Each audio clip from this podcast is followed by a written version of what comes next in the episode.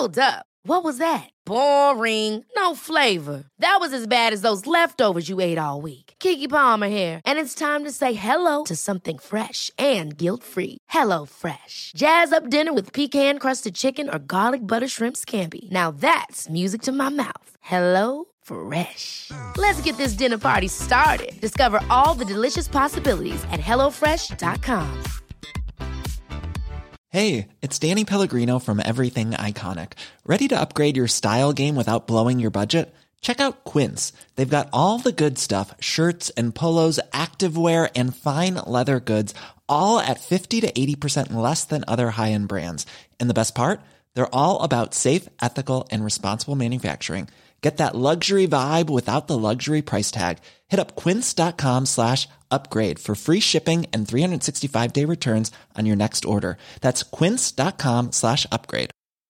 Quality sleep is essential. That's why the Sleep Number Smart Bed is designed for your ever evolving sleep needs. Need a bed that's firmer or softer on either side? Helps you sleep at a comfortable temperature? Sleep Number Smart Beds let you individualize your comfort so you sleep better together. JD Power ranks Sleep Number number 1 in customer satisfaction with mattresses purchased in-store. And now, save 50% on the Sleep Number limited edition Smart Bed for a limited time. For JD Power 2023 award information, visit jdpower.com/awards. Only at a Sleep Number store or sleepnumber.com. I början av juni 2008 så började vänner till den 30-åriga Travis Alexander att bli oroliga för honom. Han hade inte hörts av på flera dagar och hade missat saker som han annars inte brukade. Vännerna begav sig därför till Travis bostad och lyckades till slut ta sig in. Det de sen möttes av när de väl kom in var en fruktansvärd syn. Det var blod överallt och Travis svårt sargade och livlösa kropp hittades i duschen. Vem kunde ha velat göra något sånt här mot en person som Travis? En charmig och framgångsrik ung kille i början av sin karriär. En djupt troende och aktiv mormon som beskrivs som omtyckt av alla i sin omgivning. Alla vännerna var dock överens och de kände sig övertygade om vem som låg bakom mordet nämligen Travis exflickvän Jodi Arias.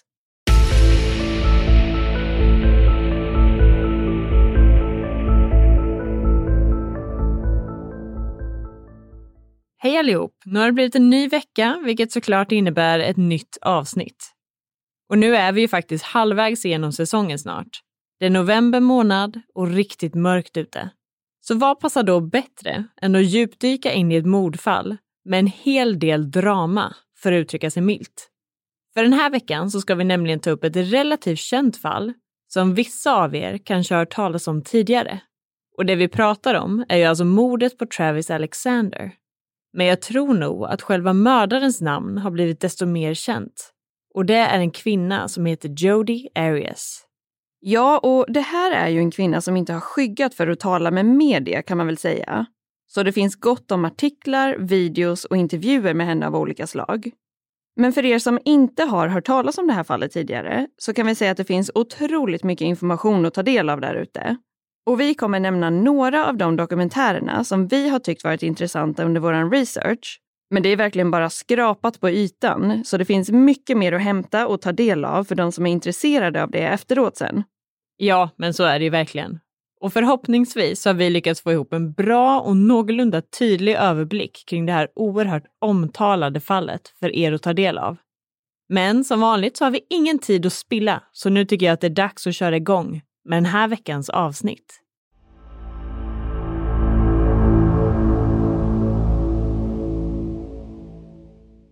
Det här fallet handlar alltså om två personer, Travis Alexander och Jody Arias, och jag tänker att vi i vanlig ordning börjar med lite bakgrundsinformation om de här två personerna och att vi börjar med Travis. Så Travis Alexander föddes den 28 juli 1977 i Riverside, Kalifornien. Han kom från en stor familj med sju syskon varav tre bröder och fyra systrar. Hans föräldrar hette Gary David Alexander och Pamela Elizabeth Morgan Alexander. Familjeförhållandena under Travis uppväxt var inte bra och både Gary och Pamela var aktiva missbrukare av drogen metamfetamin. Och som vi har förstått det så var det Gary som introducerade Pamela för droger och därefter utvecklades ett fortsatt missbruk. Det här gjorde att föräldrarna sällan var hemma och när de väl var det så sov de eller så förekom det våld både mellan Pamela och Gary men även gentemot barnen. Hemmet var dessutom väldigt smutsigt och det fanns ingen mat för barnen som i princip fick rå om sig själva. Föräldrarna skilde sig senare och barnen bodde då kvar med deras mamma. I en dokumentär gjord av 48 hours så intervjuas två av Travis syskon som heter Samantha och Steve. De berättar då att i perioder så kunde de leva med sin mamma i ett tält för att de inte hade någon annanstans att ta vägen. När Travis var runt 11 år gammal, alltså år 1988, så flyttade han in hos sin farmor och farfar som sen uppfostrade honom. Tio år senare så dog Travis pappa och i samband med det här så flyttade även hans syskon in hos farföräldrarna. Och vid det här laget hade Travis hunnit bli drygt 20 år gammal. Farföräldrarna var djupt troende mormoner och även Travis växte upp inom den här tron. År 2005, när han var 28 år gammal, så dog också hans mamma Pamela. Travis startade upp en blogg samma år som han blev mördad och den finns faktiskt kvar än idag för den som är intresserad av att läsa den. Men ett av hans inlägg på den här bloggen handlar just om hans barndom. Han beskrev då att hans pappa sällan var närvarande och att hans mamma var en bra människa som fattade dåliga beslut, vilket ledde till att även hon utvecklade ett missbruk. Han beskrev även hur han och hans syskon kunde bli slagna för att de hade väckt henne när hon låg och sov. Travis skriver också om hur han hade lärt sig att han skulle vända sig så att slagen träffade honom på ryggen och baksidan av armarna eftersom att slagen gjorde mindre ont där. Och det är ju verkligen fruktansvärt att något barn eller människa överhuvudtaget ska behöva lära sig något sånt. Han beskrev också i den här bloggen att han mindes hur hans mamma ibland kunde sova fyra dagar i sträck, vilket gjorde att barnen inte hade någon mat. Travis beskrev också hur han kunde hitta en möglig bit bröd och äta den samtidigt som han såg burkar med mat hemma men inte förstod hur man öppnar dem. Han skriver även om smutsen de levde i och hur han brukade vakna av att kackerlackor kröp över honom. Han beskriver våldet och den psykiska misshandel som han och hans syskon gick igenom under deras barndom. Som vuxen så flyttade Travis till Phoenix, Arizona, en flytt som tog honom lite mer än 50 mil från sin hemstad Riverside. Phoenix är huvudstaden i delstaten Arizona och har runt 1,6 miljoner invånare. Där jobbade han på ett företag som hette Prepaid Legal Services, eller PPL. Det här företaget bytte dock namn till Legal Shield år 2011. Det här är ett privat företag som erbjuder juridisk rådgivning och tjänster. Och om vi har förstått det rätt så betalar man i princip en summa varje månad och då får man tillgång till deras team av advokater. Travis jobbade som säljare på det här företaget och utöver det jobbade han även som föreläsare, eller det man på engelska brukar kalla motivational speaker. Det gick väldigt bra för honom överlag och han ansågs som ganska framgångsrik inom företaget. Travis tjänade bra med pengar, bodde i ett stort hus och körde en fin bil. Han bodde däremot inte helt själv i huset utan han hyrde ut rum till två andra killar vid namn Zachary Billings och Enrique Cortez som han hade lärt känna genom deras gemensamma kyrka. Som jag var inne på tidigare så växte Travis upp som mormon och även som vuxen var han en aktivt troende mormon, vilket även en stor del av hans bekantskapskrets var. Och jag tänker inte att vi behöver gå in i detalj på den här religionen, men det som kan vara bra att veta i just det här fallet är att en viktig del inom mormonismen är att avstå alkohol och sex före äktenskapet. Något som Travis, precis som många av sina vänner, höll hårt på. Men Travis var fortfarande singel, flörtig och eftertraktad. Han var som sagt framgångsrik inom sin karriär, såg bra ut och hade inga svårigheter att träffa tjejer. Och en tjej som han träffade år 2006 var Jodi Arias. Innan vi går in på hur de träffades och hur deras relation utvecklades så tänker jag att vi ska berätta lite kort om hennes uppväxt också. Så, Jodi Ann Arias föddes den 9 juli år 1980 i Salinas, Kalifornien. En stad som bland annat är känd för att vara ett populärt resmål för kändisar. Jodie växte upp med sina fyra syskon och sina föräldrar och i den här syskonskaran är hon näst äldst. Hon har en äldre halvsyster, en yngre syster och två yngre bröder. Hennes pappa heter William och kallas för Bill och hennes mamma heter Sandra men kallas för Sandy. Bill ägde några restauranger och Sandy jobbade huvudsakligen som receptionist. Jodie själv har beskrivit att hennes barndom var präglad av våld. Något som inte har bekräftats och som hennes familj nekar till än idag. Det framkommer dock en del som tyder på att det skulle ha kunnat vara så under det som senare blev en rättegång. Det lyfts även fram i en dokumentär gjord av Discovery Plus som heter If I Can't Have You, som vi kommer att komma in lite mer på senare. Att föräldrarna ska ha gett henne smisk och att hennes pappa ska ha blivit aggressiv vid flera tillfällen, bland annat med ett bälte.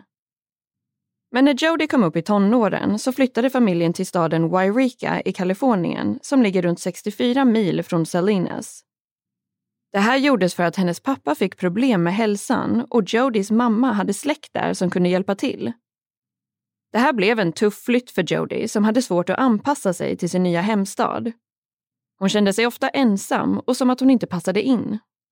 Något som hon också beskriver i sin dagbok som hon haft sedan barndomen och senare upp i vuxen ålder. Jodie gick på Wairika Union High School. Hon var en väldigt smart tjej, men skötte inte riktigt skolan och hon började även röka och odla marijuana som tonåring. När hennes föräldrar insåg det här så valde de att anmäla henne till polisen. Något som inte uppskattades av Jodie och som förändrade relationen mellan henne och hennes föräldrar för alltid. En sak som Jodie däremot älskade att göra var att fota och hon hade alltid en kamera med sig. När hon gick i det som kallas 11th grade och var runt 16 eller 17 år så valde hon att hoppa av skolan för att kunna jobba med fotografering. Under tiden som hon strävade efter den här drömmen så tog hon ett extrajobb för att kunna försörja sig. Hon flyttade till den lilla staden Carmel, eller Carmel by the Sea i Kalifornien och började år 2001 att jobba som servitris på en restaurang som tillhörde Ventana Inn and Spa. Där träffade hon också en man vid namn Daryl Brewer han var drygt 20 år äldre än henne, frånskild och hade en son. Han jobbade som någon form av mat och dryckesansvarig på restaurangen och var utifrån det även Jodys arbetsledare. Två år senare så bytte Daryl tjänst och i samband med att han och Jody inte längre var chef och anställd så inledde de en relation med varandra.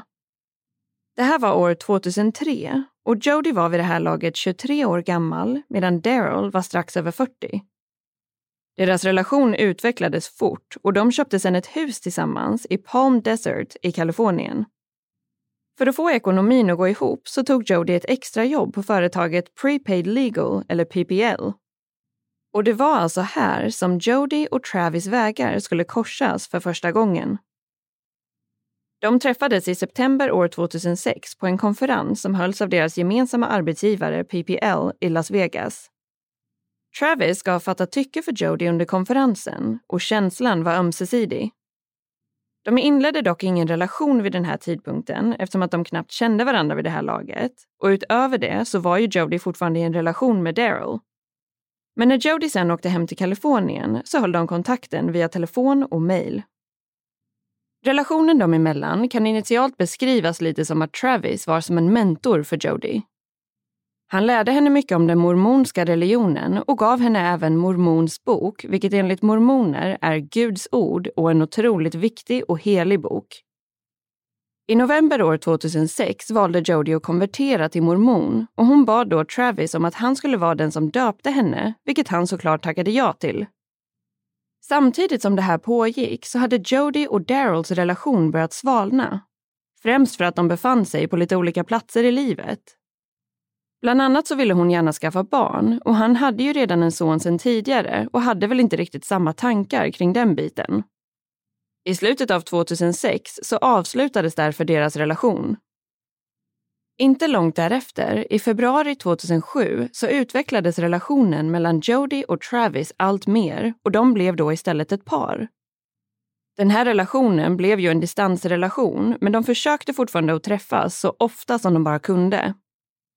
Här kan det också vara värt att påpeka vilken typ av distans vi faktiskt pratar om.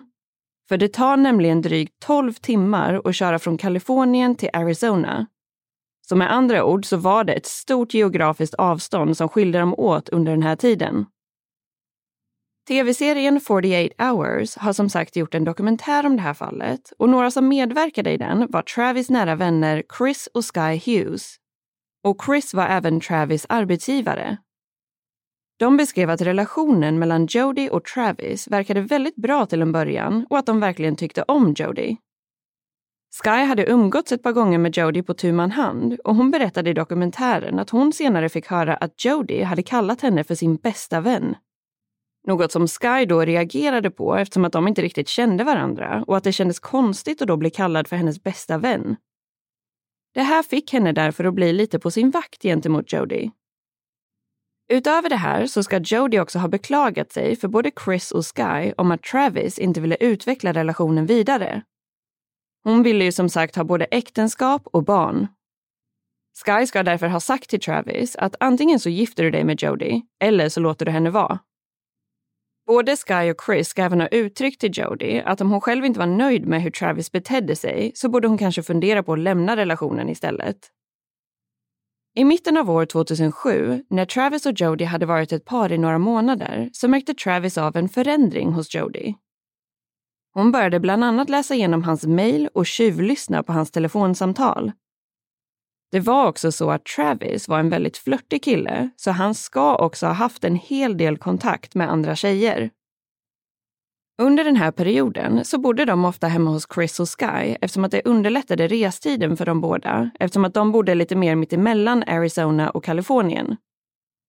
Chris och Sky tog då in Travis på deras rum och lyfte faktumet att de tyckte att Jody verkade ganska konstig och att hon betedde sig underligt. Sky beskriver i den här dokumentären att hon sen fick en obehaglig känsla och insåg att Jody stod utanför dörren och lyssnade. Travis öppnade då dörren och mycket riktigt så stod Jody precis utanför. Hon frågade om något var på tok och Travis svarade då att han skulle gå ner och prata med henne om situationen om en liten stund. I juni 2007, när de hade dejtat i nästan ett halvår, så valde de däremot att avsluta förhållandet men det som ingen verkade ha varit medveten om var det faktum att Jody och Travis relation också hade varit sexuell.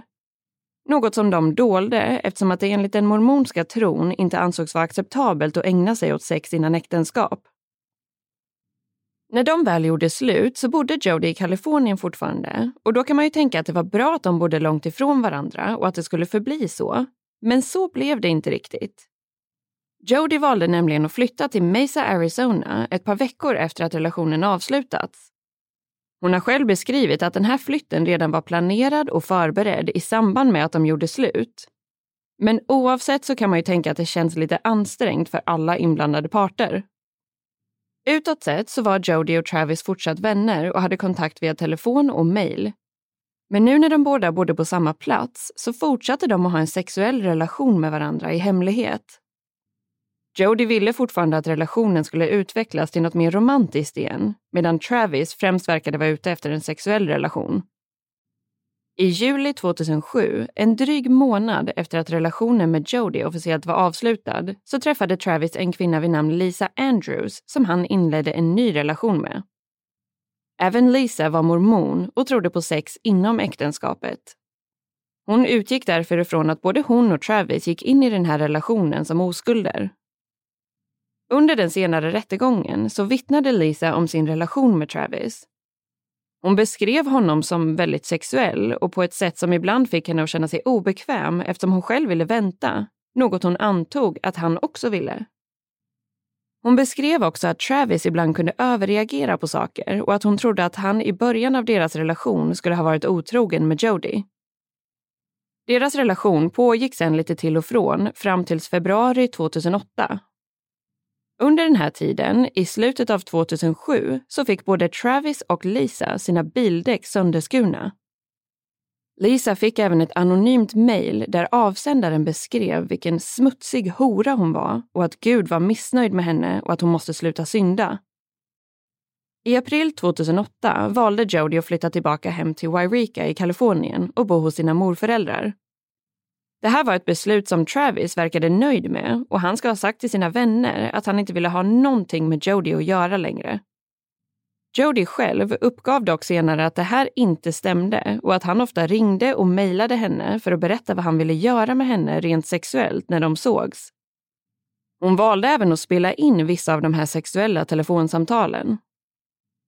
Men den här relationen ska ha varit lite speciell och man får nästan lite bilden av att både Travis och Jody insåg att relationen inte var bra för någon av dem, men att de samtidigt inte kunde motstå.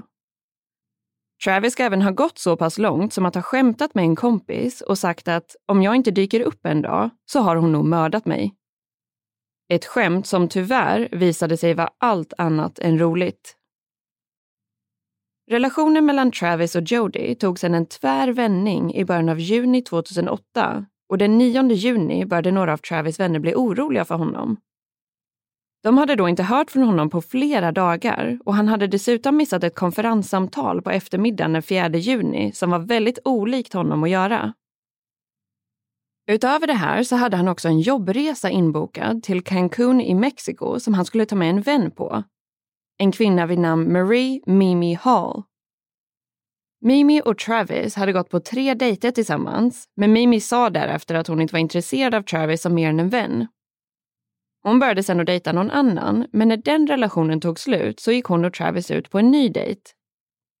Men det här förändrade ingenting och Mimi var fortfarande inte intresserad av Travis på det sättet. Men Travis frågade sen Mimi om hon ville följa med honom på den här resan till Mexiko som var inplanerad. Något som hon först tackade nej till eftersom hon inte ville ge Travis falska förhoppningar. Men han var då väldigt tydlig med att de skulle åka som vänner och bo i skilda sovrum, så till slut så tackade hon ja. Det här var alltså den 9 juni 2008 och den här resan var inplanerad morgonen därpå, den 10 juni. Mimi visste inte riktigt hur planeringen såg ut och blev därför lite fundersam när datumet började närma sig och hon fortfarande inte hade hört någonting från Travis. Hon valde därför att åka hem till hans bostad och knacka på. Hon noterade hans hund Napoleon inne i huset, men ingen öppnade dörren. Mimi valde i sin tur att kontakta två andra vänner vid namn Michelle Lowery och hennes pojkvän Dallin Forrest. De begav sig därefter också till Travis bostad och tillsammans lyckades de till slut ta sig in i huset med hjälp av en kod till garaget som de fick av en annan vän som de ringde upp. När de kom in i huset möttes de av Travis rumskompis Zachary och hans flickvän. Och tydligen var det inte helt ovanligt att hans rumskompisar inte öppnade dörren om det knackade på, vilket hade varit fallet även den här gången. När vännerna uttryckte att de inte hade hört från eller sett Travis på väldigt länge så svarade rumskompisen Zachary att han inte heller hade gjort det. Men han sa också att han trodde att Travis hade åkt iväg på en resa till Mexiko. Mimi förklarade då att så inte var fallet eftersom att den resan inte skulle ske förrän dagen efter och att hon dessutom skulle följa med honom dit. När de sen gick upp till Travis del av huset så insåg de att dörren till hans rum var låst. Zachary lyckades till slut hitta rätt nyckel och de låste då upp dörren och gick in. Väl där möttes de av en helt fruktansvärd syn. Det var fullt av blod överallt och när de gick in i badrummet så hittade de Travis livlösa kropp i duschen.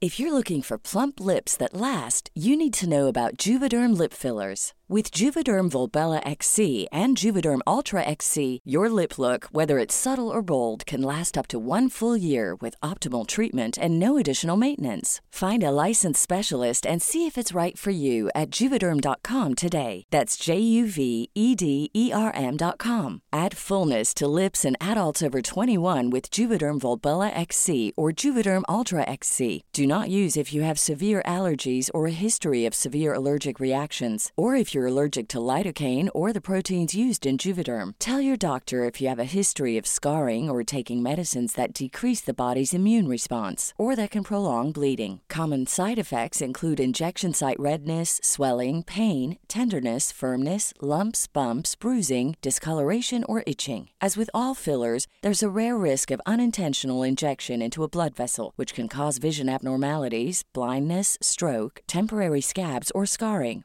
For full important safety information, visit juvederm.com. Ever catch yourself eating the same flavorless dinner three days in a row? Dreaming of something better? Well, HelloFresh is your guilt-free dream come true, baby. It's me, Gigi Palmer. Let's wake up those taste buds with hot, juicy pecan-crusted chicken or garlic butter shrimp scampi. Mm. Hello Fresh. Stop dreaming of all the delicious possibilities and dig in at HelloFresh.com. Let's get this dinner party started. Here's a cool fact a crocodile can't stick out its tongue. Another cool fact you can get short term health insurance for a month or just under a year in some states. United Healthcare short term insurance plans are designed for people who are between jobs, coming off their parents' plan, or turning a side hustle into a full time gig. Underwritten by Golden Rule Insurance Company, they offer flexible, budget friendly coverage with access to a nationwide network of doctors and hospitals. Get more cool facts about United Healthcare short term plans at uh1.com.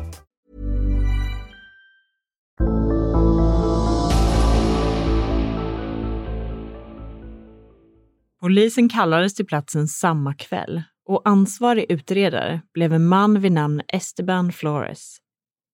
Den kvällen och natten hölls flertalet förhör med alla vännerna samt rumskompisarna som varit på plats när Travis kropp hittades. Redan vid den här tidpunkten så nämnde vännerna en misstänkt, nämligen Jody Arias. De sa att Travis och Jody hade haft en relation och att hon under en tid även bott med honom i hans hus. Men efter att de hade gjort slut i juni 2007 så skulle hon ha börjat förfölja och trakassera honom, skurit sönder hans däck och hackat hans sociala medier och mejlkonto. Hon ska även ha hotat hans flickvän som han hade haft efter att han och Jody gjorde slut. Ingen kunde komma på någon annan person som skulle vilja Travis något ont. Enstaka namn dök upp, men det var ingenting som verkade relevant. Ett första förhör på telefon skedde sedan mellan Esteban och Jody den 10 juni, varpå Jody beskrev att hon och Travis tidigare hade haft en relation och att hon brydde sig mycket om honom och att hon ville hjälpa till om hon kunde. En obduktion genomfördes även på Travis kropp, vilket visade på ett oerhört övervåld och faktumet att Travis hade kämpat för sitt liv. Han hade elva knivhugg vid skuldrorna, två skärsår vid huvudet, ett hugg bak vid nacken och örat, fyra hugg till bröstet, tre skärsår mot magen, ett sår rakt över halsen som i princip gick från öra till öra. Han hade även fyra skador på vänster hand och en skada på höger tumme. Och dessa skador på händerna bedömdes vara försvarsskador. Utöver alla knivskador hade han också blivit skjuten i huvudet. De två skadorna som bedömdes ha varit de dödliga var ett av huggen i bröstet och såret över halsen. Man kunde också fastställa att Travis bör ha dött den 4 juni 2008, det vill säga fem dygn innan han hittades av vännerna. Utredaren Esteban Flores var som sagt närvarande när mordplatsen undersöktes. Och i en utredningsrapport så går det att läsa om när de gick igenom hemmet för första gången. Travis sovrum och badrum har beskrivits som extremt blodigt. Och i badrummet fann man även ett handavtryck i vad som misstänks vara blod på väggen. När de sen sökte igenom resten av hemmet så hittade de hans nyligen inköpta kamera i tvättmaskinen deras misstanke var att den som placerat kameran där ville försöka dölja sina spår genom att förstöra kameran och dess innehåll. Tyvärr för den personen så funkade det inte riktigt så, utan minneskortet i kameran hade klarat sig. Det gick även att återställa några bilder som personen i fråga hade försökt radera. När de väl tittade på bilderna från kameran så insåg de att det de hade var bildbevis av Travis sista minuter i livet och även det faktiska mordet. Det de också insåg var att de inte bara hade bilder av Travis. De hade också bilder på personen som hade varit med honom precis innan mordet ägde rum, nämligen Jody. Bilderna var dessutom stämplade med både tid och datum och den första bilden togs klockan 13.40 den 4 juni 2008 alltså samma dag som Travis blev mördad. Dessa första bilder hade personen i fråga försökt radera. Det var åtta sådana bilder. Sex av dem var på Jody och två på Travis. Samtliga var nakenbilder där de poserade sexuellt framför kameran. Sen var det ett par bilder, varav den första togs 17.22 på Travis när han stod i duschen. 17.30 tas den sista bilden någonsin på Travis vid liv. De här bilderna är i princip det första som dyker upp om man bildsöker på Travis Alexander på Google. Jag tycker att det är ganska svårt att avgöra hans min på den här sista bilden. Om han ser ledsen ut eller rädd eller om han bara posar framför kameran. Man undrar ju hur mycket han förstod av vad som hände. För tre minuter senare, klockan 17.33, så ändrar bilderna karaktär. Den här bilden var mycket suddigare och mörkare. Men när den förstorades upp gick det tydligt att se en naken man som låg på golvet i en pöl av blod. Man kunde också se byxbenet på personen som stod lutad över den livlösa mannen, som man sedan insåg var Travis. I slutet av juni, drygt tre veckor efter mordet, så hade man inte bara bilder som bevisade att Jody hade varit tillsammans med Travis vid tidpunkten för mordet. Man hade också analyserat det handavtryck i vad som såg ut som blod som man hade hittat på badrumsväggen. Man kunde då matcha handavtrycket till Jody. Och en vecka senare kom resultatet tillbaka på materian som handavtrycket bestått av. Och det var mycket riktigt blod. Blod från inte bara en, utan två personer. Travis och Jody. Man hade alltså Jodys blod tillsammans med Travis i Jodys handavtryck. Man hittade även ett hårstrå som fastnat i blod i hallen. Och även det här visade sig matcha Jody. Man visste nu att hon utan tvekan hade varit närvarande under mordtillfället. Den 15 juli, lite över en månad efter mordet, så valde Esteban att åka till Wairika och gripa Jody. Under förhören som sedan ägde rum så beskrev Jody att vid tidpunkten för Travis mord så var hon iväg på en roadtrip. Hon berättade att hon skulle åka från Wairika till Utah, både för att umgås med en kille som hon hade lärt känna via jobbet vid namn Brian Burns, men också för att närvara vid en konferens. Hon lämnade Warwicka den 2 juni och det här är en sträcka som tar cirka 14-15 timmar att köra. Det som förbryllade polisen var dock faktumet att hon inte anlände i Utah förrän den 5 juni.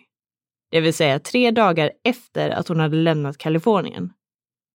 Initialt så var Jodys förklaring till det här att hon aldrig hade varit i närheten av Travis bostad under natten och att anledningen till varför det tog henne så pass lång tid att åka från Wairika till Utah var eftersom att hon hade åkt vilse. Hon hade sedan valt att sova i bilen ett tag eftersom att hon gillade att sova helt enkelt. Esteban påtalade då att resan till Utah tog henne mer än ett dygn längre än vad det borde ha gjort, även om hon stannade och sov, vilket inte gick att förklara. Esteban sa även i förhöret att han misstänkte att det var hon som hade mördat Travis och att hon nu skulle bli häktad.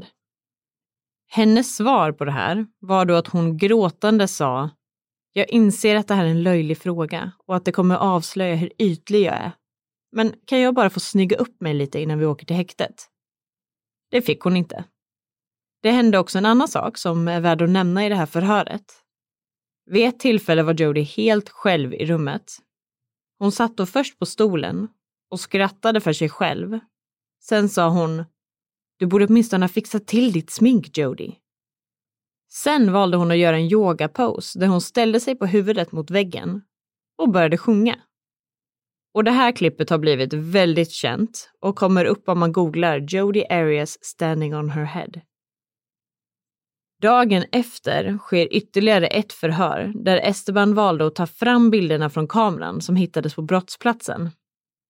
När Jody såg de här bilderna så nekade hon först till att det skulle vara hon och frågade även Esteban om han var säker. Det här är som sagt ganska intima och tydliga bilder av henne i Travis säng, så efter en stund valde hon att ge en ny version av vad det var som hade hänt den här dagen.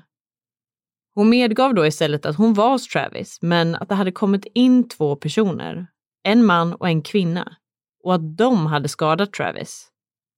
De hade sedan riktat en pistol mot henne, men mirakulöst nog så hade den här låst sig när de försökte skjuta henne och hon såg då sin chans att fly därifrån. Hon sa att Travis levde när hon sprang därifrån, men att hon hade känt sig skyldig som hade lämnat honom där.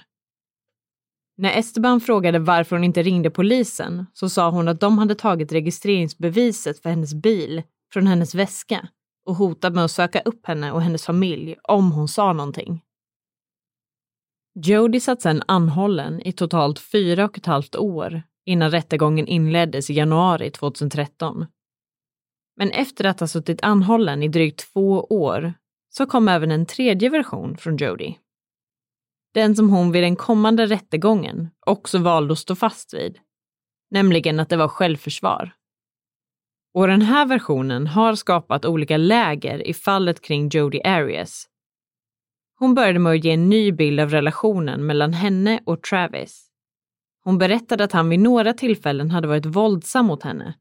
Bland annat genom att kasta ner henne på golvet och sparka henne på revbenen. Han ska också enligt Jody ha haft väldigt lätt för att bli arg. Travis ska även ha psykiskt misshandlat henne under hela deras relation genom att nedvärdera och förolämpa henne. Hon berättade sen att hon hade ringt till Travis när hon var på sin roadtrip och berättade att hon skulle vara i Arizona senare den kvällen natten. Och det här var då alltså natten mellan 3 och 4 juni. Hon åkte då hem till Travis och kom fram sent så båda gick och la sig och de sov sen till klockan 13.00 dagen den 4 juni. De hade sen, enligt Jody, sex ett antal gånger och de ska även ha använt sig av ett rep och bundit fast varandra. Jody föreslog sen att de skulle ta bilder på varandra. Sexuella sådana vill säga. Travis hade en helt ny kamera som de använde för att ta de här bilderna. De ska sen efter att ha haft sex och tagit foton i sängen gått in i badrummet och tagit fler bilder inne i duschen.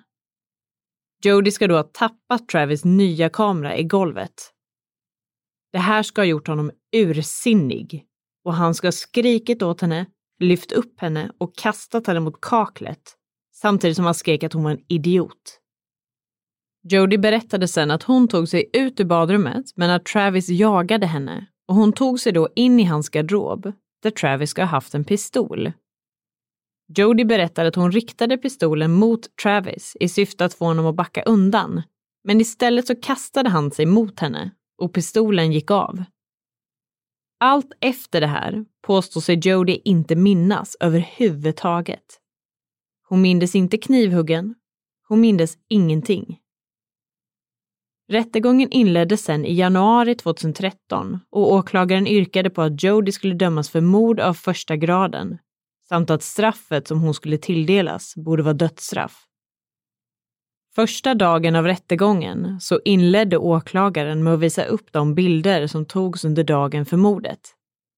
Både nakenbilderna, men även bilderna av själva mordet och brottsplatsbilderna av Travis sargade kropp. Under rättegången så fanns det ju en hel del bevismaterial mot Jody. Utöver det faktum att det fanns fysiska bevis och bilder så kunde man också bevisa att i slutet av maj så hade Jodys morföräldrar, som hon bodde hos vid tiden för mordet, anmält ett inbrott där bland annat en pistol hade blivit stulen. Och en hylsa från en likadan pistol hittades vid Travis kropp. Jodys försvar var som sagt att hon erkände att hon faktiskt hade mördat Travis, men att det hade skett i självförsvar. Och det ska sägas att även om det fanns väldigt många bevis mot Jody så fanns det också en hel del som tydde på att relationen dem emellan inte var särskilt bra. Och att Travis kanske inte var den ängel som han av många målades upp som. En dokumentär som är väldigt sevärd och som kanske är mer vinklad och berättar Jodys version än vad många av de andra dokumentärerna i mina ögon har varit är den dokumentär som just nu finns på Discovery Plus, som vi nämnde kort i början. Den heter som sagt If I Can't Have You och om ni är intresserade av det här fallet så är den helt klart värd att kika på. Men i den här dokumentären så är det ganska mycket fokus på den dagboken som Jodie skrev i.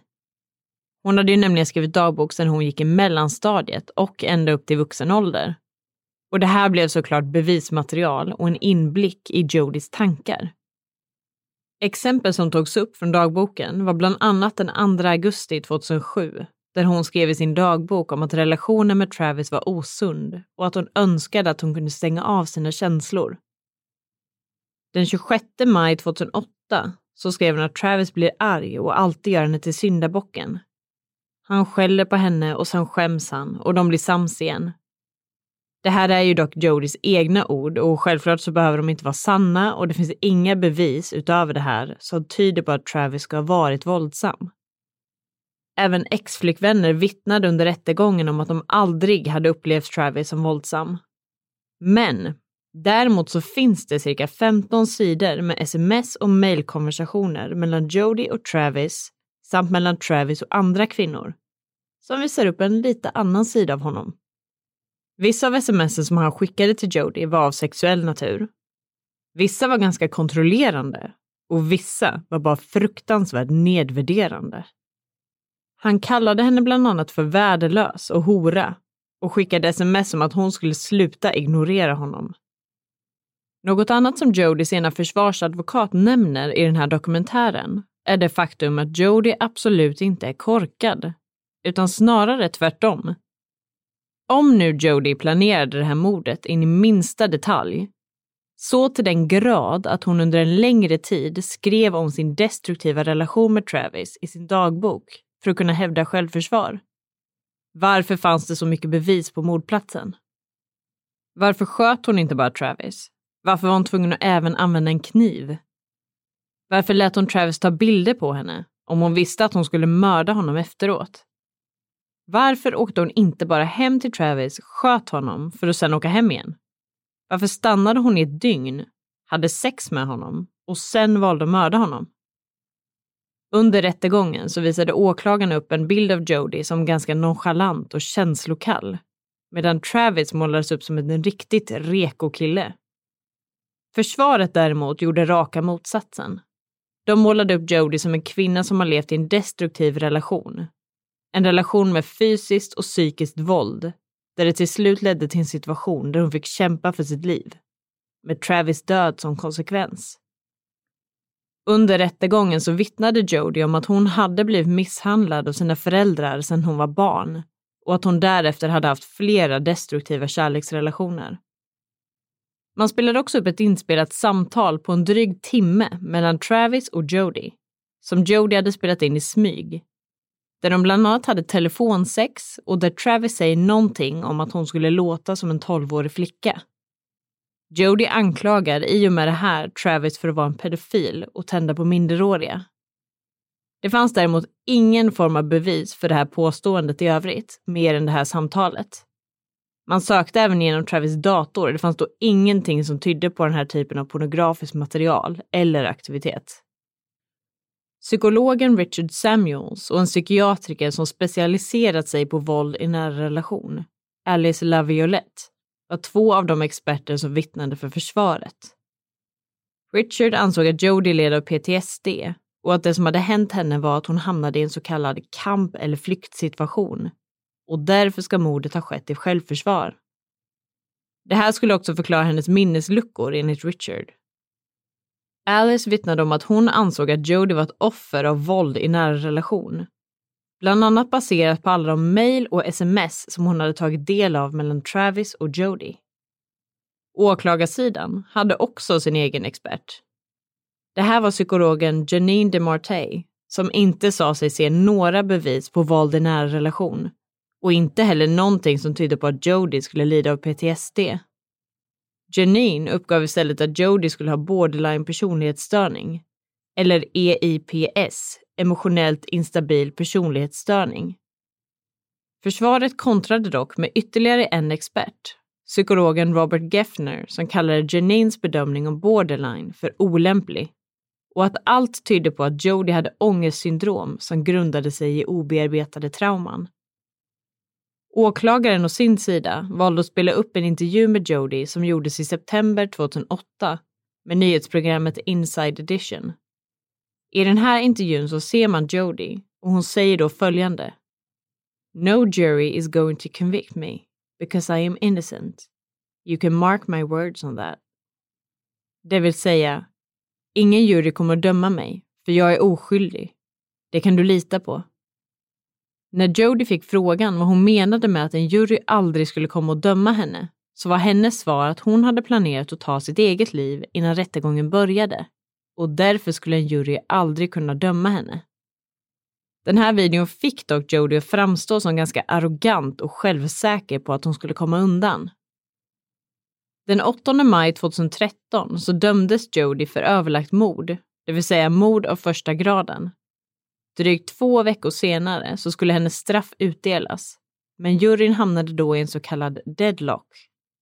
Det vill säga att de inte kunde enas om vilket straff Jodie skulle få. Det är nämligen så att om någon ska dömas till döden så måste samtliga i juryn vara eniga. I det här fallet så var det åtta medlemmar som ansåg att hon borde avrättas, medan fyra medlemmar motsatte sig. Det krävdes därför en ny rättegång för att bedöma vilket straff hon skulle få och den här rättegången ägde rum år 2014. Även den här gången så kunde inte juryn enas. Elva stycken röstade för dödsstraff medan en röstade för livstidsfängelse. Det här ledde slutligen till att domaren dömde Jody till livstidsfängelse utan möjlighet till frigivning för mordet på Travis. Hon har tillsammans med sina advokater försökt överklaga domen vid flera tillfällen och samtliga har nekats. Under sin tid i fängelset så har Jody också lagt mycket fokus på sin passion för målning och hon har sålt flera av sina tavlor på auktion via Ebay. Och enligt Forbes uträkning så uppskattas hon idag ha en total förmögenhet på mellan en och fem miljoner dollar. Men det är inte bara Jody som har blivit diskuterad i media vad gäller den här rättegången. Både försvarsadvokaten Kirk Nurmi och åklagaren Juan Martinez har förlorat sina licenser för att utöva yrket. Kirk efter att han skrev en bok i tre delar som hette Trapped with Missarius, där han lämnade ut information som bedömdes som konfidentiell. Juan Martinez förlorade sin licens efter att ha haft en relation med en bloggerska som man då också ska ha delat konfidentiell information med. Det här är verkligen ett fall som berör. Under själva rättegången stod flera hundra demonstranter utanför dagligen för att visa sitt stöd för antingen Travis eller för Jody. Försvaret blev hotade och i den dokumentären som vi nämnde tidigare från Discovery Plus så säger även försvarsadvokaten att de hade flera vittnen som backade ur. Vittnen som hade kunnat bekräfta mycket av det de påstod, men på grund av hot så vågade de helt enkelt inte träda fram. Det finns vissa saker som man med säkerhet kan konstatera. Man vet att Jody mördade Travis och man vet att det skedde med ett oerhört övervåld. Det man däremot inte vet är varför. Var Jody en ondskefull kvinna som inte ville att Travis skulle gå vidare med någon annan än henne? Eller var hon en kvinna i en destruktiv relation som hamnade i en situation där hon fruktade för sitt liv och gjorde det enda hon kunde för att överleva?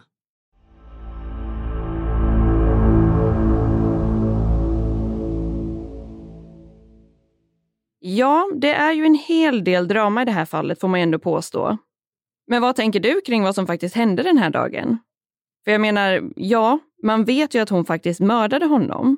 Men eh, vad tänker du kring varför och vilket läger så att säga tillhör du i det här fallet? Ska jag vara helt ärlig så är jag ganska delad i den här frågan. För i början, när vi gjorde research om det här, så kände jag spontant att det här var ett planerat och genomtänkt mord och att hon verkligen trodde att hon skulle komma undan. Men sen, när man såg dokumentären på Discovery Plus, så blev jag ändå lite tveksam. Försvarsadvokaten har ju en poäng i att mordet är väldigt slarvigt genomfört. Och om man nu är smart nog att sätta sig ner och planera ett mord och dessutom göra en massa förberedelser runt omkring, borde man då inte ha kunnat genomföra det lite bättre? Jo, men jag kan ändå hålla med dig där, för att hon slår mig verkligen inte som en osmart person. Och jag har så svårt att tänka mig att någon planerar att åka hem till en person i syfte att mörda dem och inte bara låta sig fotas, utan dessutom lämna så mycket spår efter sig som hon faktiskt gjorde. Vilket hon inte heller hade behövt eftersom att hon hade en pistol, men ändå så använde hon kniven som kräver mer av en närkamp. Varför välja den om man nu har ett val? Jag vet inte riktigt jag. Nej, alltså jag känner lite samma. Jag tror inte att det här mordet var planerat. Däremot så vet jag inte vad som är sant och inte vad gäller självförsvaret. Det kan ju vara så att någon form av diskussion eller bråk utlöste en otrolig ilska hos Jodie. Hon kanske hade byggt upp en massa känslor efter Travis beteende gentemot henne. För man kan säga mycket, men Travis sms och mail till henne är inte okej. Okay. Inte så pass att de borde leda till mord, men absolut inte okej. Okay. Så kanske slog det slint och hon knivhögg honom och sen försökte lösa det bäst hon kunde för att komma undan. Ja, och det är ju bara en person som sitter på de här svaren, så vi lär väl aldrig veta helt hundra varför mordet ägde rum. Utan vi får nog ta och nöja oss med att mordet är löst och att rätt person blev dömd för det. Men det finns ju som vi nämnde tidigare väldigt mycket information att hitta om Jodie. Hon har ju nämligen älskat att göra intervjuer och att visa upp sig på olika sätt och vis i media. Så för den som vill kika vidare på det här fallet så finns det alla möjligheter till det. Ja, och jag tror att det kan vara en av anledningarna till att det här har blivit ett så pass känt fall.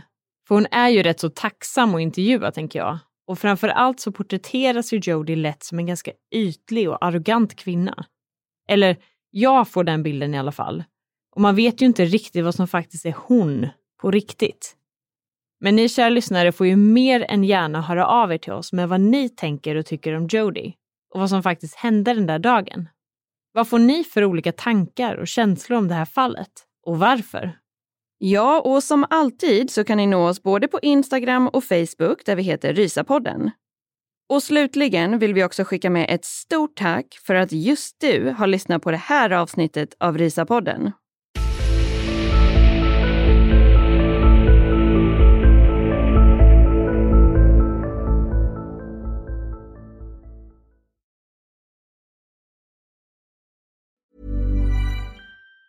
Even on a budget, quality is non-negotiable. That's why Quince is the place to score high-end essentials at 50 to 80% less than similar brands. Get your hands on buttery soft cashmere sweaters from just 60 bucks, Italian leather jackets, and so much more.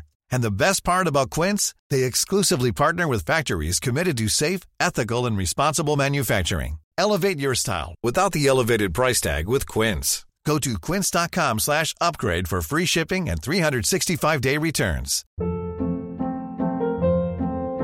Hold up. What was that? Boring. No flavor. That was as bad as those leftovers you ate all week. Kiki Palmer here, and it's time to say hello to something fresh and guilt-free. Hello Fresh. Jazz up dinner with pecan-crusted chicken or garlic butter shrimp scampi. Now that's music to my mouth. Hello Fresh. Let's get this dinner party started. Discover all the delicious possibilities at HelloFresh.com. Why don't more infant formula companies use organic, grass fed whole milk instead of skim? Why don't more infant formula companies use the latest breast milk science? Why don't more infant formula companies run their own clinical trials? Why don't more infant formula companies use more of the proteins found in breast milk? Why don't more infant formula companies have their own factories instead of outsourcing their manufacturing? We wondered the same thing. So we made ByHeart, a better formula for formula. Learn more at byheart.com.